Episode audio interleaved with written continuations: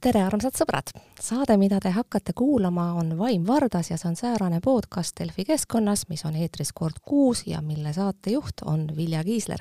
külaline on tal aga iga kord erinev ja mul on tohutult hea meel täna ajada juttu Eesti vägevaima mõtleja Margus Ottiga, tervist!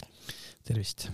kui sa lubad, siis ma teen sinu isiku tutvustamiseks võib-olla natukene pikema sissejuhatuse, mida sa siis ise saad täiendada Eesti vägevaim mõtleja ei öelnud ma mitte sugugi juhuslikult, sest vägi on sinu mõtlemise keskne mõiste.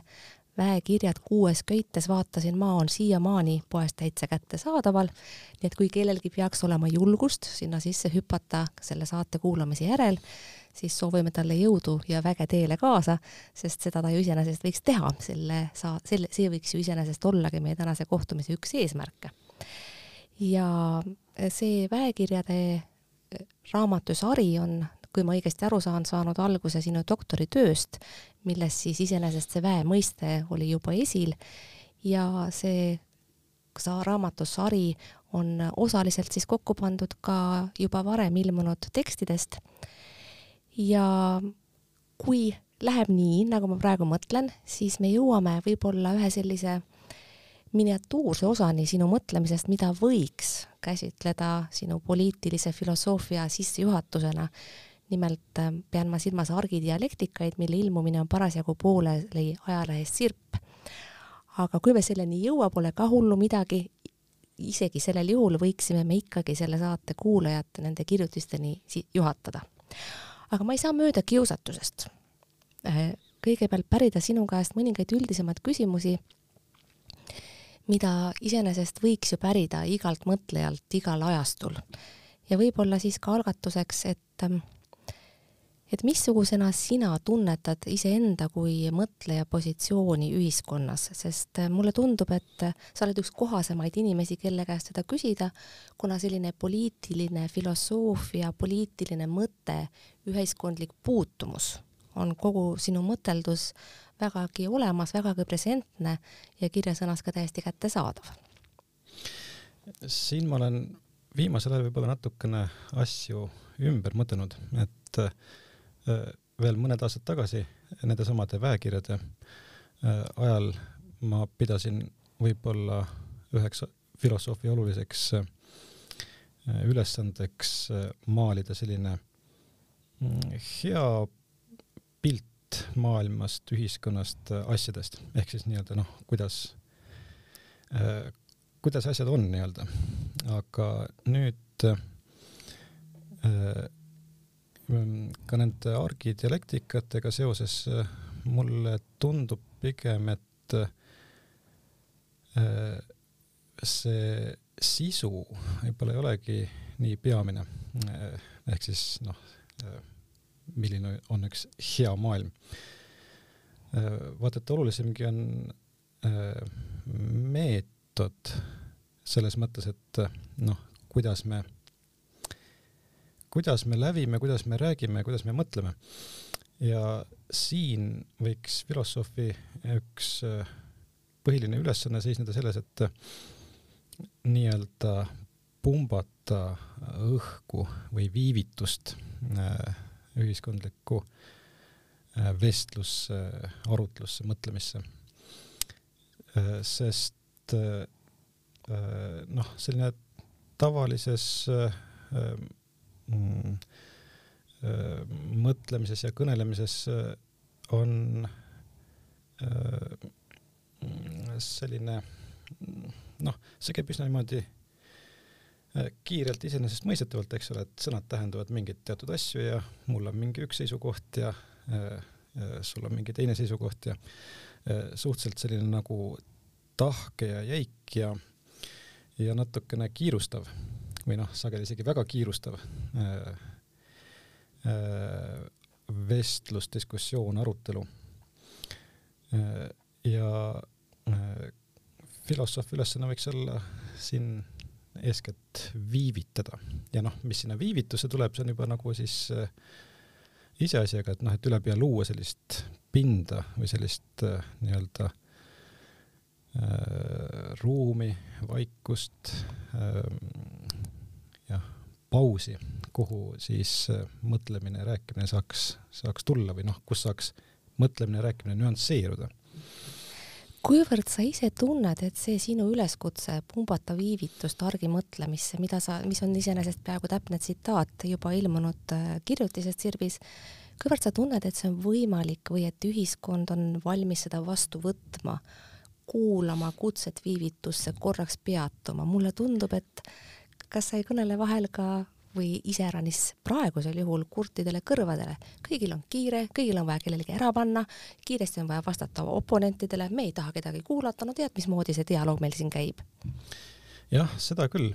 Mm, noh, eriti sellises äh, tänapäeva äh, äh, sotsiaalmeedia situatsioonis, kus äh, ja interneti vahendusel, kus suhtlus on noh, hästi kiire ja sageli väga afektiivne äh,.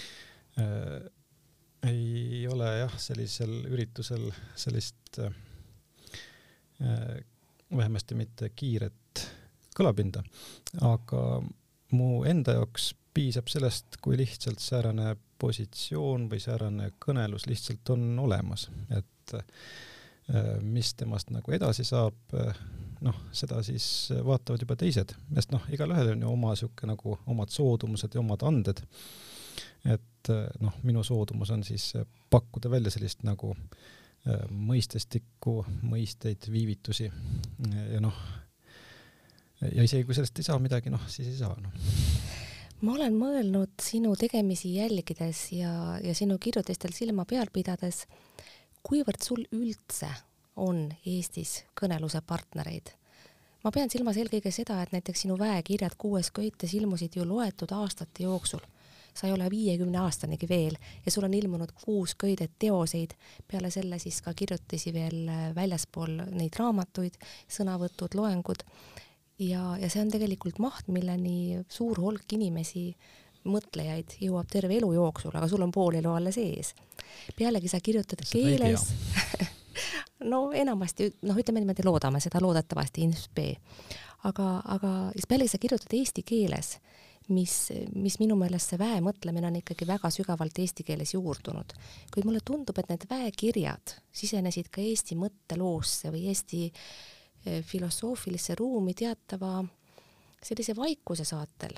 jah, ilmus mingisuguseid kirjutisi, aga mul on tunne, et sinu mõtlemine, hoolimata sellest, et ta on kergesti jälgitav, muidugi süvenemist nõudev, aga ta, ta ei ole mingi selline sedasorti filosoofia, mis murraks kaela, kui vähegi, kui vähegi on midagi, mingisugune põhi all, et, et on võimalik püsti jääda, on võimalik jälgida.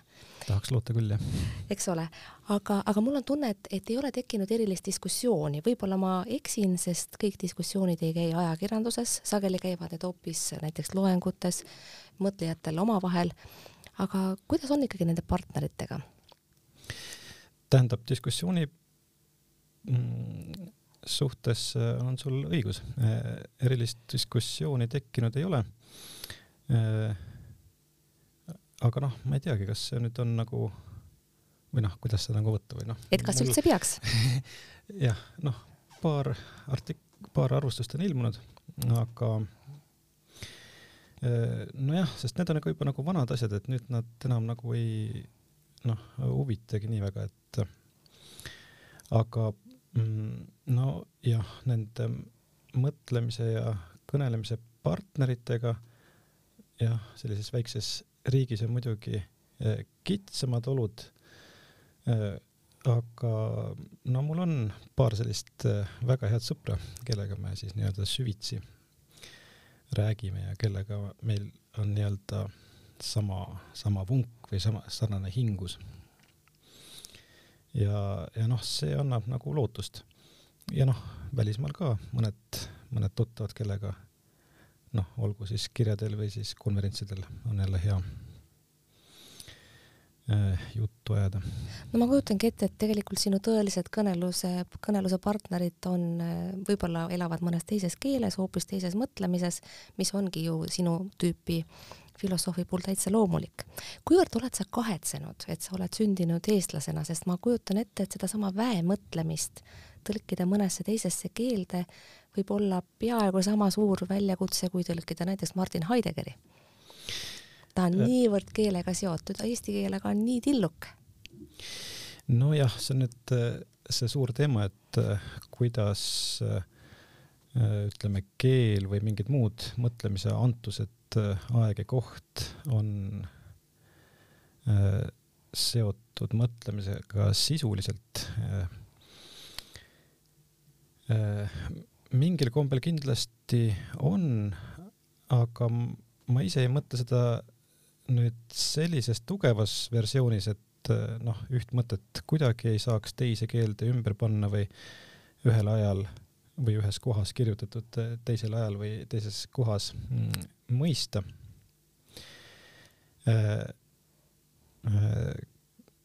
pigem on niimoodi, et siis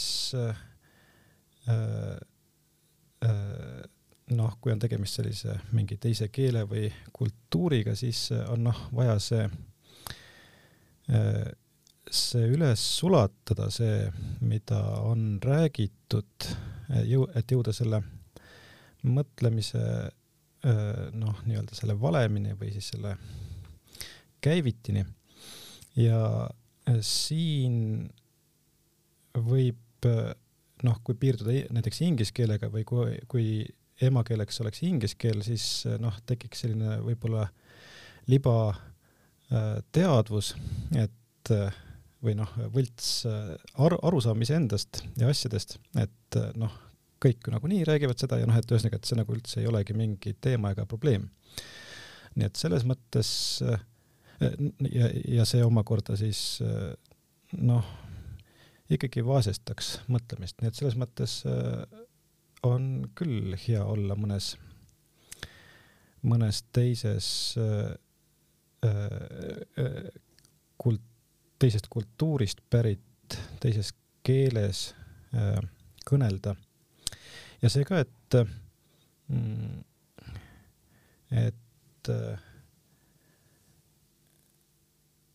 jah, unustasin, mis ma tahtsin öelda võib-olla jõuame selle juurde tagasi mõnes teises kontekstis, kust praegu pooleli jäi, aga kust mina oleks edasi läinud, on ikkagi see mõtlemise mõju või mõtlemise vägi.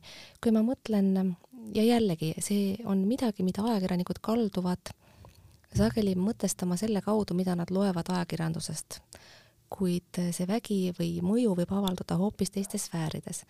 kuidas sulle tundub, kui, kuidas on lood Eesti mõtlemise, Eesti filosoofia väe ja mõjuga eh, ja missugustes sfäärides see kõige paremini avaldub. noh, kui ma mõtlen jällegi selle ajakirjanduse peale oma rikutud ajakirjaniku mõistusega, siis ma mõtlen sageli näiteks Rein Raua peale, keda võib-olla laia avalikkus mäletab eelkõige moraalsete väärteate kaudu, eks ole, kes teatavasti meil on ju praegu võimul koguni. see oli tema kunagine selline kuulus väljaütlemine Reformierakonna kohta. samas ilmus Raual äsja raamat, millest võib-olla teavad isegi parem.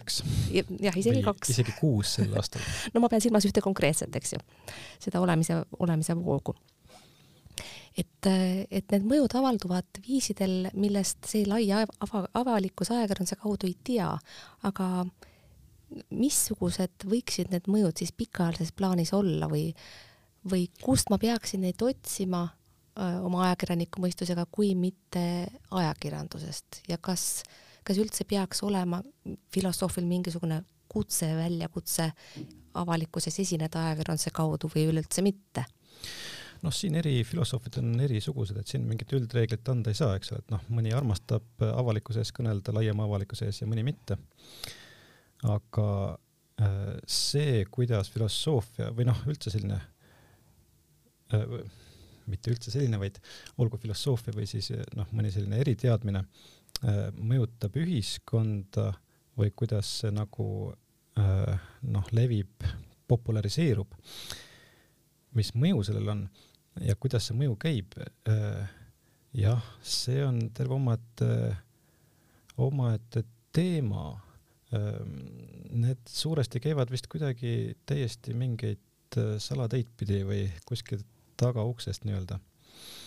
ja noh kui ajakirjandusest rääkida, siis noh, mulle küll tundub, et äh, inimesed, kellel on noh, kokkupuude filosoofiaga, noh nagu sul, et see annab ka selles äh, noh, olgu ajakirjanduse töös või siis ka muudel elualadel äh, mingit äh, lisamõõdet või et noh, et noh, näiteks ajakirjaniku puhul noh, on huvitav lugeda no filosoofia on selline asi, mis võib küll külgi mööda, maha joosta, aga mis ikkagi jääb teatava viirusena kuskile vereringlasse ring, ringlema. Leo Luks, sinu kolleeg, on sind nimetanud ontoloogiliseks pühakuks ja noh, ma siis lugesin seda äh, umbes niimoodi teatava etteheitena peaaegu, et justkui sinu mõtlemine oleks liiga idealistlik ja justkui sellest ei saaks teha mingeid konkreetseid praktilisi järeldusi, mis tundub mulle iseenesest üsna kummaline etteheide ühele mõtlemisele ja ühele filosoofiale. kuigi ma isegi võin ju teksti konteksti põhjal hinnata, mida ta sellega silmas pidas. kuivõrd sa ise nõustud sellise määratluse või kriitikaga äh, kolleegilt pealegi? Äh, ma mõistagi lugesin ka seda arvustust, ma nüüd nii täpselt ei mäleta, mis ta seal rääkis. ja et kas see oli kriitiline või mitte. jah, ma seda ei mäleta. nojah, aga siin nagu ikka, eks ole, et autor ei saa seada liiga suuri pretensioone oma retseptsioonile, et noh Äh, et inimesed siis, inimestel on õigus kirjutada ja arvatada, mis nad tahavad. tõepoolest, kõiksugused tekstid, mis on kord valmis saanud ja avalikkuse ette jõudnud, ei kuulu enam neile, kes need kord kirjutasid, nii see on. aga ma, miks ma selle Luksi asja ette tõin, on äh, puhas äh, selline suur ebaõiglus minu meelest, sest mulle tundub, et sinu mõtlemine on siiski nii-öelda eluga, argieluga, jällegi ei vali seda sõna juhuslikult, teatavas erilises kontaktis ja, ja tingimata mingisuguseid moralistlikke käitumisjuhiseid ei pea ju ühelt filosoofialt mitte ootama. aga võib-olla siitkaudu jõuaksimegi selle poolelioleva argidialektika sarja juurde, mis parasjagu Sirbis siis on ilmumas, kaks osa ilmunud, kaks veel tulemas, kui ma õigesti aru saan. ja sa ei, ei võta dialektilist meetodit siin tarvitusele mitte juhuslikult või ilmaasjata, vaid sellepärast, et dialektilises meetodis endas peitub teatud dialoogilisus, millele viitab juba iseenesest see di ja di mõlema sõna alguses, kaks ja kaks, ehk siis selline teatav kahepoolsus. ma loodan, et me saame siit edasi minna ilma seletamata Heegelit algusest peale ja lõpuni välja, aga võib-olla siis hästi lihtsalt, mismoodi sa näed selles valitud meetodis, millele sa juba päris saate alguses ka viitasid, võimalust lepitada või vähemasti algatada kõnelusi, mis võiksid lepitada lõhesid ühiskonnas, millest me nii palju räägime. jah, ma enne äh, teeksin paar kommentaari äh,. Äh, ma ise ei omista nendele väikestele kirjatükkidele suurt väga suurt tähtsust. et see on nagu rohkem sihuke näpuharjutus või sihuke unelemine või uitlemine. ja jah, praegu ma need kirjutasin, olen kirjutanud vist viis tükki valmis, aga ma kavatsen neid ikkagi jätkata, et noh, et, et loodetavasti neid saab üksjagu rohkem ikkagi. ja nüüd jah, ja see, kusjuures üks selline varjatud põhjus, miks ma sellise asja ette võtsin, on natukene selline äh, Äh, kuidas öelda, selline äh, protestivaimust. nimelt äh, noh, ma olen üsna palju tegelenud Prantsuse kahekümnenda sajandi filosoofidega, eriti sellise mõtlejaga nagu Gilles Deleuze. ja vot enamiku nende Prantsuse siis uue maja filosoofide jaoks Hegel on noh, selline peksupoiss pigem. ja siis mul tekib kohe siis huvi, et et kui kedagi tümitatakse, et siis mm, äkki saaks seda nagu hoopis teistmoodi võtta ja kuidagi noh, nagu heas mõttes tõlgendada või hästi tõlgendada. et siis ma äh, hakkasimegi jah, sõpradega äh, Heegelit uurima äh,. ja nojah, et Heegelil on see dialektika, tähendab see tuleb noh, nii dialoog kui ka dialektika, see on sama sõna äh,, dialegomai, et lego on rääkima, eks ole, ja siis dia on siis noh, nagu läbi või noh, nagu diameeter, eks ole. et see on siis nii-öelda läbirääkimine. ja see tähendabki siis noh, vestlemist või vaidlemist ja noh, ma ei ole mõistagi mingisugune Heegeli asjatundja mm.. aga see tundub üks, tundub olevat üks selline noh, põhimõtteliselt või laias laastus, isegi kui mitte järgida täpselt seda Heegeli skeemi, siis äh, ikkagi selline, selline, selline hea viis, kuidas äh, noh, püüda mõtlemist käima lükata, noh, eriti sellises olukorras, kus nagu sisude osas ei olda üldse nagu äh, ühel meelel, noh, mingites ühiskondlikes küsimustes näiteks. et siis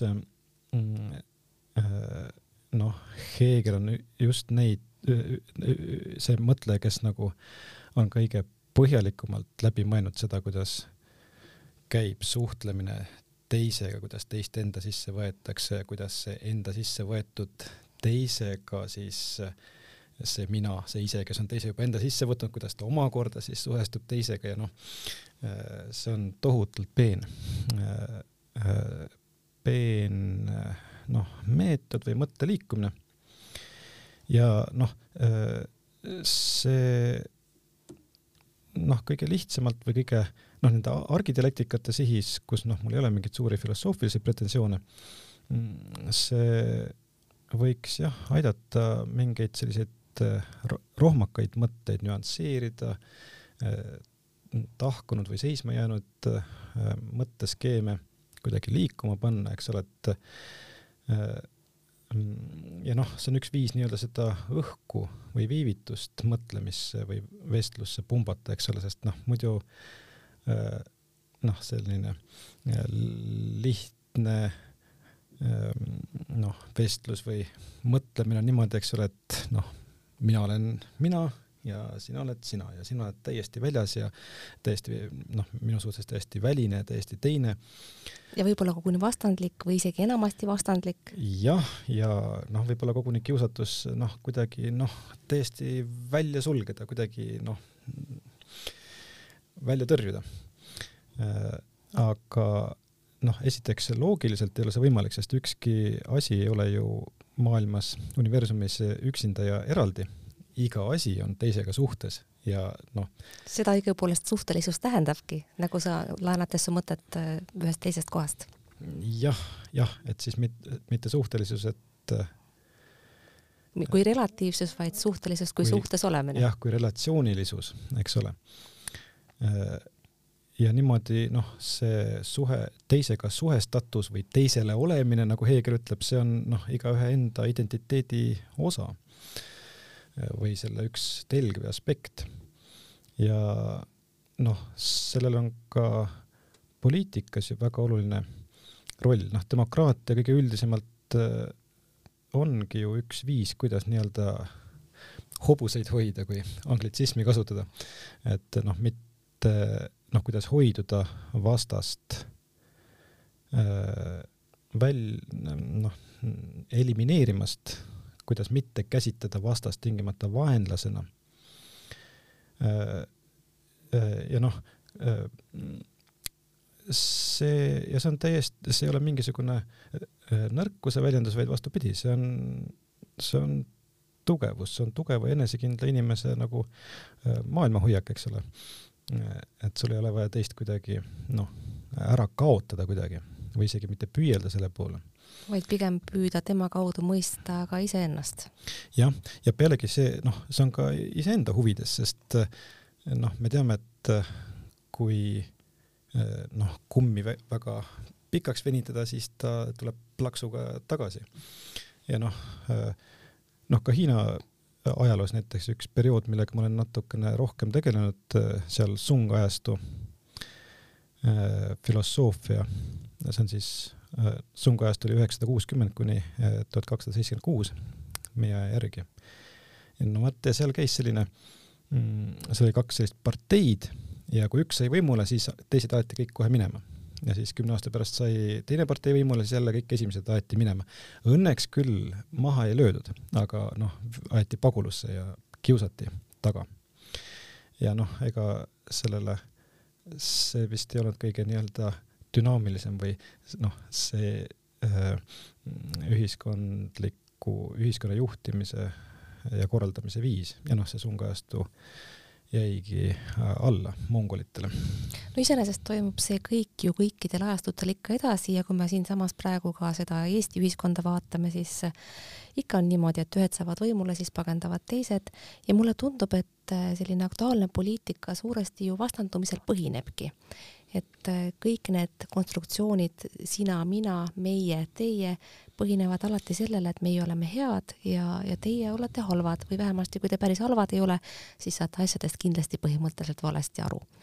ma ilmselt arvan, et see sinu taotletud aeglustus võiks sündida ikkagi teatava sellise distantsiga aktuaalset poliitikat vaatavate inimeste peades, sest seda sa vist ju ei looda et poliitikud ise, konkreetsed poliitilised parteid, erakonnad sellesse aeglustusse sinuga kaasa tuleksid ja noh, võtaksid aega järele mõelda, võib-olla siis ka vastast näha mingis teises valguses, koguni empaatilisem olla tema suhtes, mõista viimatigi. noh, senikaua, kui need üksteist äh, mättasse ei, ei löö ja kui toimub ikkagi, või tähendab, kui, kui äh, kehtib võimude lahusus ja äh, võimu rotatsioon, noh siis senikaua on see aeglustus ju täiesti olemas ja see õhk, eks ole, et äh, kuidas seal nagu veel täpsemalt omavaheline suhtlus käib, see on juba omaette teema. Äh, nojah, ja muidugi, eks ole, äh, ma nüüd taban end ka sellelt, et noh, see, mis ma siiamaani olen rääkinud, see võib nüüd kuidagi liiga selline sünteesi poole kaldu olla. selles mõttes, et noh, vastandumisel ja võitlusel on ju täiesti oma oma positiivne roll. aga vaat küsimus ongi selles, et noh, see on kuni mingi maani, et noh, kui ta läheb üle teatud piiri, siis ta enam ei ole konstruktiivne, vaid puhtalt destruktiivne, eks ole.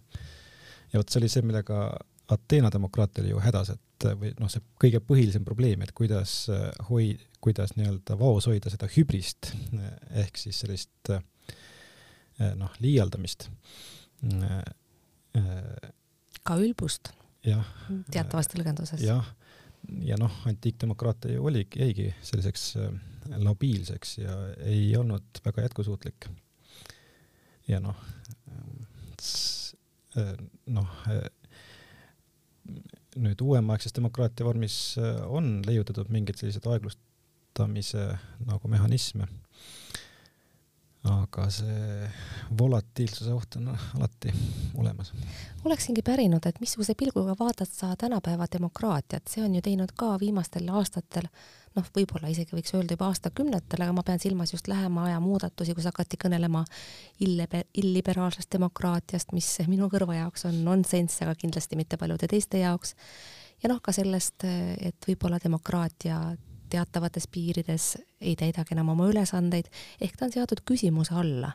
kuivõrd on see sinu hinnangul õigustatud ja kuivõrd lihtsalt äh, vahend millegi muu kättesaamiseks?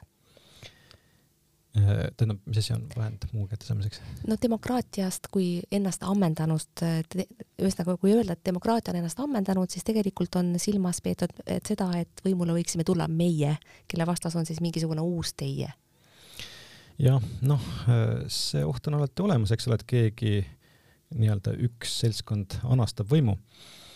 Ja siis nii-öelda sul või noh, tasalülitab sellise äh, võimude, tähendab, peatab võimu roteerumise, äh, äh, paneb kokku varisema võimude lahususe, aga noh, ega see, see ei ole jätkusuutlik, et see jah, mingit lühikest aega see võib isegi teatud edu anda sellele ühiskonnale, aga äh, pikka pidu sellel ei ole. et pigem selle demokraatiaga äh, on see häda, et ta on liiga kitsas, et seda tuleks veelgi laiendada, sest äh, noh, ökoloogilise olukorra valguses tundub, et no ühel või teisel moel on hädavajalik anda rohkem sõnaõigust äh, teistele olenditele. sest kui me seda ei tee, siis äh, noh, me, meie enda eksistents äh, inimkonnana satub ohtu. ja sa viitad siin väga suurtele väljakutsetele, mis on seotud kliimaga ja kõige muuga ja rohepöördega muide, selles kontekstis mu meelest tundub eriti oluline sinu poliitilistest esseedest pärit mõte hoida lahti seda demokraatia südameks olevat Vabaduse väljakut, mida me siin kirjut-, mida sina kirjutad väikese tähega ja mida ma siin siis eraldi rõhutan, et me ei mõtle siin Tallinna keskmes asuvat Vabaduse väljakut. kui hästi või kui hästi me suudame seda Eestis, kui, kui suur või kui, kui raske on see olnud näiteks sinule endale sõnastada seda Eesti kontekstis, sest me ei mõtle ju mingisugust konkreetset kohta Tallinna südames, kuigi iseenesest ka see on olnud sul kõne all, kuivõrd rohkem sellist noh, hinges või vaimus valla olevat kohta, milles siis saaks nähtavaks see, mis demokraatia on, mis me ise oleme. tähendab, see Vabaduse väljaku tekst äh,, selle idee sõnastas mu hea sõber Mart Kangur ja ma panin selle siis kirja lihtsalt äh,. jah, seda vist ümber rääkida ei ole mõtet. võib-olla siiski mõne lausega, et mm., et minu öeldu ei jääks liiga suvaliseks tõlgenduseks sinu mõtteasjus no,.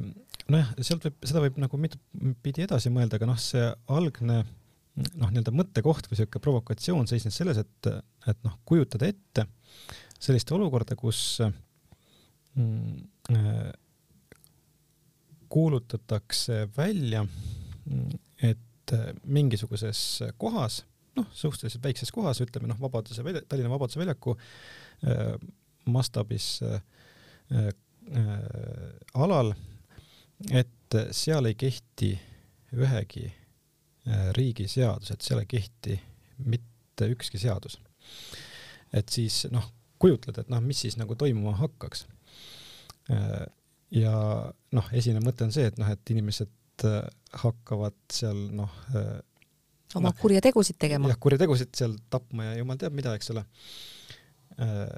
aga äh, kui järele mõelda, siis ei pruugiks üldse niimoodi olla, selles mõttes, et noh kui keegi hakkaks seal kuritegusid tegema, siis võib-olla noh, mõni teine seltskond püüaks hakata seal heategusid tegema noh, kui seda nüüd noh, seda mõtteeksperimenti nii-öelda noh, vaimus äh, läbi mängida. mis muide, head teod ei ole tegelikult ju seadusega keelatud võib teha isegi Just mujal kui Vabaduse väljakul. ja kuidagi on vist niimoodi kujunenud, et äh, meil on kuidagi üsna sünge ettekujutus äh, inimloomusest. et tundub, et noh, lääne see peavoolu või noh, viimase paari sajandi või noh, tegelikult juba varasemast ajast muidugi, loomulikult. Väide oleks, et inimloomus on kuri. vot Hiinas, vanas Hiinas äh, oli nagu, oli kaks äh, filosoofi, Mangtse ütles, et inimloomus on hea ja hiljem Xunze ütles, et inimloomus on kuri.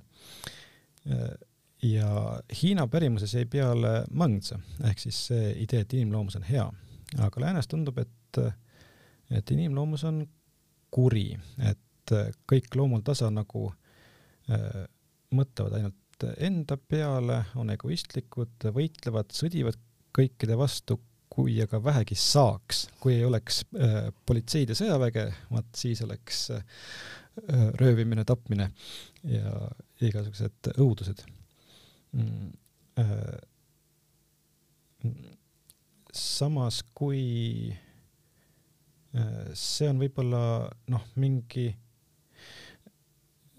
noh, konkreetselt, eks ole, see äh, olelusvõitluse idee, mis äh, looduses justkui domineerivat, äh, selle idee puhul Darwin oli tugevasti mõjutatud omaaegsest sotsioloogiast, kus olid säärased ideed, et noh, et Äh, mida me tänapäeval nimetame tarvinistlikeks. just jah, et noh, säärased ideed, et noh, et vaesed ei tohiks abistada, sest siis nad sigivad liiga palju, aga noh, neid inimesed sigivad äh, geomeetrilises progressioonis, aga noh, need ressursid, toit ja nii edasi, noh, võib-olla heal juhul nagu aritmeetilises progressi-, progressioonis. ja et äh, noh, parem, kui nad lihtsalt maha surevad. ja siis mis omakorda noh, peegeldab lihtsalt eeskätt mulle tundub sellise no varakapitalistliku üsna siukse jõhkra Inglise ühiskonna mm, noh, ma ei tea, vaimuseisundit nii-öelda. no vot, siis see projitseeriti loodusele alguses, aga siis hakati tagasi projitseerima inimesele ja ühiskonnale, et kuna looduses ju kehtib olelusvõitlus kõikide sõda kõikide vastu, noh siis inimesed on ju noh, looduse osa, siis loomulikult inimesed samamoodi see on iseenesest et... oluline ja mõõtuandev tähelepanek, et see mõju toimus niipidi, mitte, mitte Darwinist ei lähtunud see. jah, eks ole, ja siis üks selline darwinist äh, äh, äh, Kropotkin, Pjötr Kropotkin äh, äh, läks äh, siis uurima äh, siis metsikusse loodusse, noh, vaatlusi tegema, et kuidas olelusvõitlus siis käib, aga siis öö, oma üllatuseks avastas, et ei näinud nagu õieti, õieti kuskil sellist äh, jõhkrat kõikide sõda kõikide vastu, vaid igal pool nägi sümbioosi ja kooperatsiooni. Äh, noh, äh, kõige tõenäolisemalt ju isegi hulk, hulk, tähendab, päris tuumsus on tekkinud end, endosümbioosiks nimetatud protsessi tagajärjel, kus noh, arvatavasti siis arherakk ja siis bakterirakk moodustasid siis ühe sellise üksuse, kus üks andis siis selle raku ja teine andis siis äh, raku tuuma või ka mingid organellid. Äh, et, äh, et noh, loomulikult on sellist sõdimist ja jagelemist, aga see ei ole kaugeltki nii valdav ka elus looduses ega ka ühiskonnas, kui noh, meile võib-olla sageli tundub. noh, et võib-olla siin on teadvus natukene kallutatud, sest noh, äh, sellised negatiivsed asjad äh, jäävad paremini meelde ja me märkame neid äh, rohkem, see on ka niisugune evolutsiooniline noh, kallutatus. see on tähelepanek, mis leiab ka poliitikas pidevat ärakasutamist, eks ole, ja ka uudisvoos muide, halvad uudised jäävad ikka paremini meelde. just nimelt, eks ole, et noh, kui tänavad on hooldatud ja, ja ma ei tea, kõik toimib, noh, siis noh, nii peabki olema. aga vot, kui kuskil on tänav hooldamata, vot siis siis on pahasti ja saab hakata otsima süüdlast muide, ma olen märganud sinu, sinu kirjutisi lugedes seda, et tõepoolest seal sellise äh, võib-olla vahel isegi sõnastamata alusveendumusena toimib uskumus, et inimene on hea. ja ma olen äh, seda alati mm, mõnes mõttes isegi imestanud, sest tõepoolest, nagu sa juhid tähelepanu, see ei ole sugugi elementaarne, eriti mitte Euroopa mõtlemises.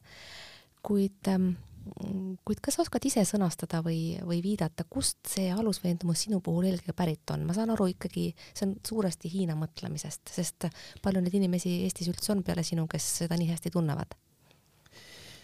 Äh, säärane nii-öelda positiivne pööre pigem on seotud Deleuze'i ja Bergsoniga ja Nietzschega. ikkagi eurooplastega? nojah, sest nendega ma tegelesin ikkagi varem. ja noh, Hiina lihtsalt sinna peale ja noh, kinnistas seda. no aga Nietzsche puhul ei saa küll, ma kohe esimese hooga isegi ütleksin, et kust see siis õieti tuleb, Nietzsche sellega justkui ei ostu. nojah, see on nüüd noh, see, kuidas Nietzsche mõjus mulle, eks ole Nietzsche tegi sinust parema inimese, kuigi ta ise inimestesse noh, võib-olla nii palju ei uskunud. see on tegelikult kummaline. Mm, nojah, jah. aga noh, võimutahe on ju midagi sellist noh, afirmatiivset ja positiivset, eks ole. et, et noh, et põhiline on see enesejaotus ja oma nii-öelda jõu või võimu laiali laotamine ja noh, need piirangud on nagu sekundaarsed.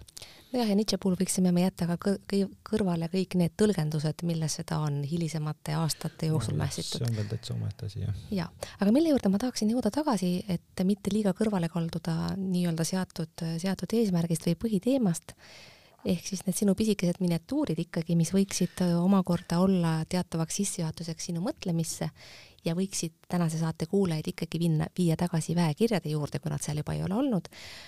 Ka siin on selline teatav usk sellesse, et meis võiks olla valmidus lasta asjadel ennast nii-öelda lahti voltida selles kõneluses, selles dialoogis, dialektilises meetodis. Ja siin minu meelest on ka, noh, ma ei tea muidugi, kuhu sa jõuad välja nende kirjutistega, eks ole, osa on võib-olla veel sündimata või täitsa kindlasti on sündimata, aga selles on, on selline teatav ette antud kindlus, et me, me, me saame nagu paremaks selles kõneluses ja et me muutume veel empaatilisemaks ja et me hakkame selle kõneluse kaudu üksteist paremini mõistma ja mitte ainult üksteist, vaid ka iseennast. et äh, kust on see pärit ja, ja mismoodi sa ise seda noh, teatavat suundumust, noh, mida ma sellise aluspõhjana püüdsin sõnadesse saada, sõnastaksid?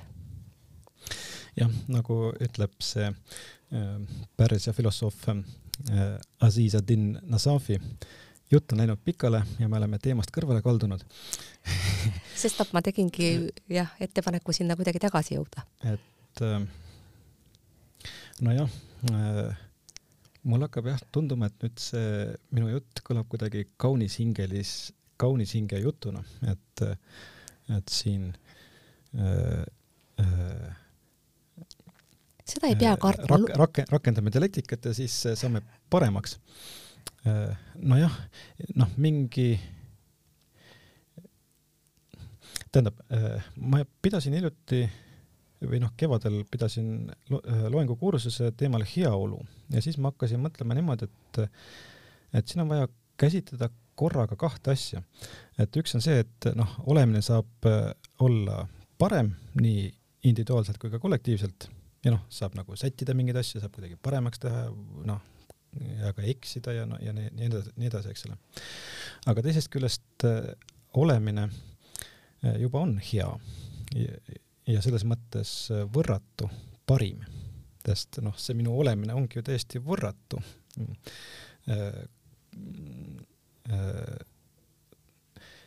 Ja see üle pea ju annab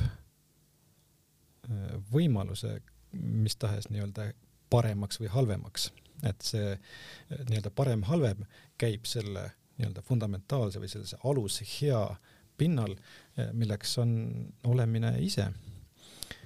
jah, et, eh, et sealt vist võrsubki see, see, mis jah, kohati võib-olla paistab ka liigse optimismina, aga noh, mis mingis mõttes on truism, sest noh, see minu olemine ongi ju noh, parim, hea kas, kas see tekst, millele sa praegu viitad, on see juba avalikult kättesaadav ka või, või on see veel kirjasõnasse jõudmata?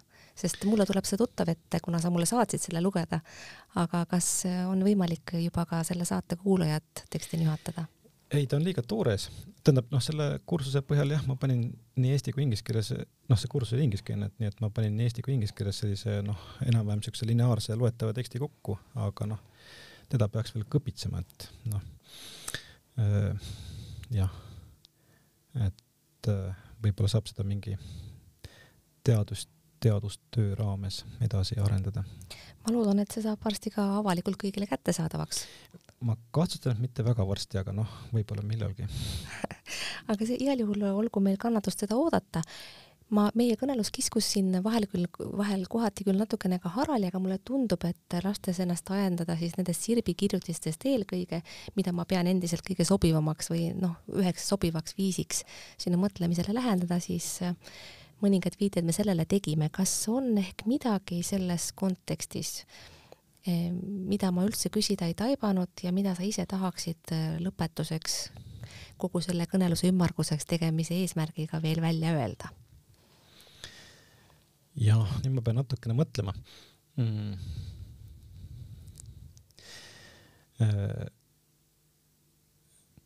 Aa, enne sa küsisid äh, ajakirjanike kohta. Äh, ja siis mõjude levimise kohta, siis tegelikult üks see mõjude levimise viis ju ongi see, et noh, te võtate eri inimesi ja, ja noh, muuhulgas siis ka filosoofe või teadlasi ja siis nii-öelda torgite neid. et selle kohta on üks ilus lugu, äh, mille Hasso Krull ühes oma loengus rääkis. üks indiaani lugu sellest, äh, kuidas pistrik ütleb kojotile, et kuule, kojott, sul on loomise vägi, et teeks õige mõned inimesed. noh, ja siis kojott noh, ajabki siis koivad alla ja siis noh, teeb mingi triki ja noh, teebki mingid inimesed. et see on minu meelest, ma olen avastanud või et see on üsna niisugune arhetüüpne lugu, et loomisel ongi nagu kaks aspekti, et üks on nii-öelda see loomise vägi, aga teine on noh, see stiimul või torge, mis selle väe liikuma paneb, et ilma pistrikuta poleks Kojott midagi teinud, ta oleks lihtsalt molutanud. et siin on nagu noh, need nendes personaažides siis nagu äh, nagu äh, kehastuvad või on kujutatud neid kahte aspekti. Noh, inimese puhul, igas inimeses on need mõlemad aspektid muidugi olemas, eks ole, aga ütleme äh, noh, äh, teatavas mõttes võib-olla ajakirjanikud on sellisteks pistrikeks, kes nii-öelda pistavad või torgivad ja stimuleerivad. Ja siis nii-öelda lase, päästavad valla igasuguseid asju. millest ma siis loen välja üleskutse kutsuda rohkem mõtlejaid ja filosoofe saadetesse, teha nendega rohkem intervjuusid ja isegi seda, isegi juhul, kui nad seda kohe ise väga võib-olla ei taha, peavad võib-olla ajakirjandust eh, oma mõtete väljendamiseks ebasobivaks, tuleks seda igal juhul teha, kas nõnda? Äh, nojah, kas nüüd tingim-, noh, igasuguseid erinevaid inimesi ja muuhulgas jah, miks mitte ka filosoofe, jah Margus Ott suur,, suur-suur tänu sulle saatesse tulemast, ma loodan, et kui meie kuulajate hulka sattus inimesi, kes ei ole sinu kirjutisi veel lugenud, siis nüüd nad hakkavad seda kindlasti tegema suur,. suur-suur tänu, et sa jagasid minuga oma mõtteid. kohtume mõnes teises kontekstis sinuga uuesti ja teiega, armsad kuulajad, kohtume mõnes teises formaadis, aga kindlasti selles samas saates Vaim Vardas juba kuu aja pärast, ainult külaline on siis teine. aitäh, kuulmiseni ja nägemiseni! Thank you.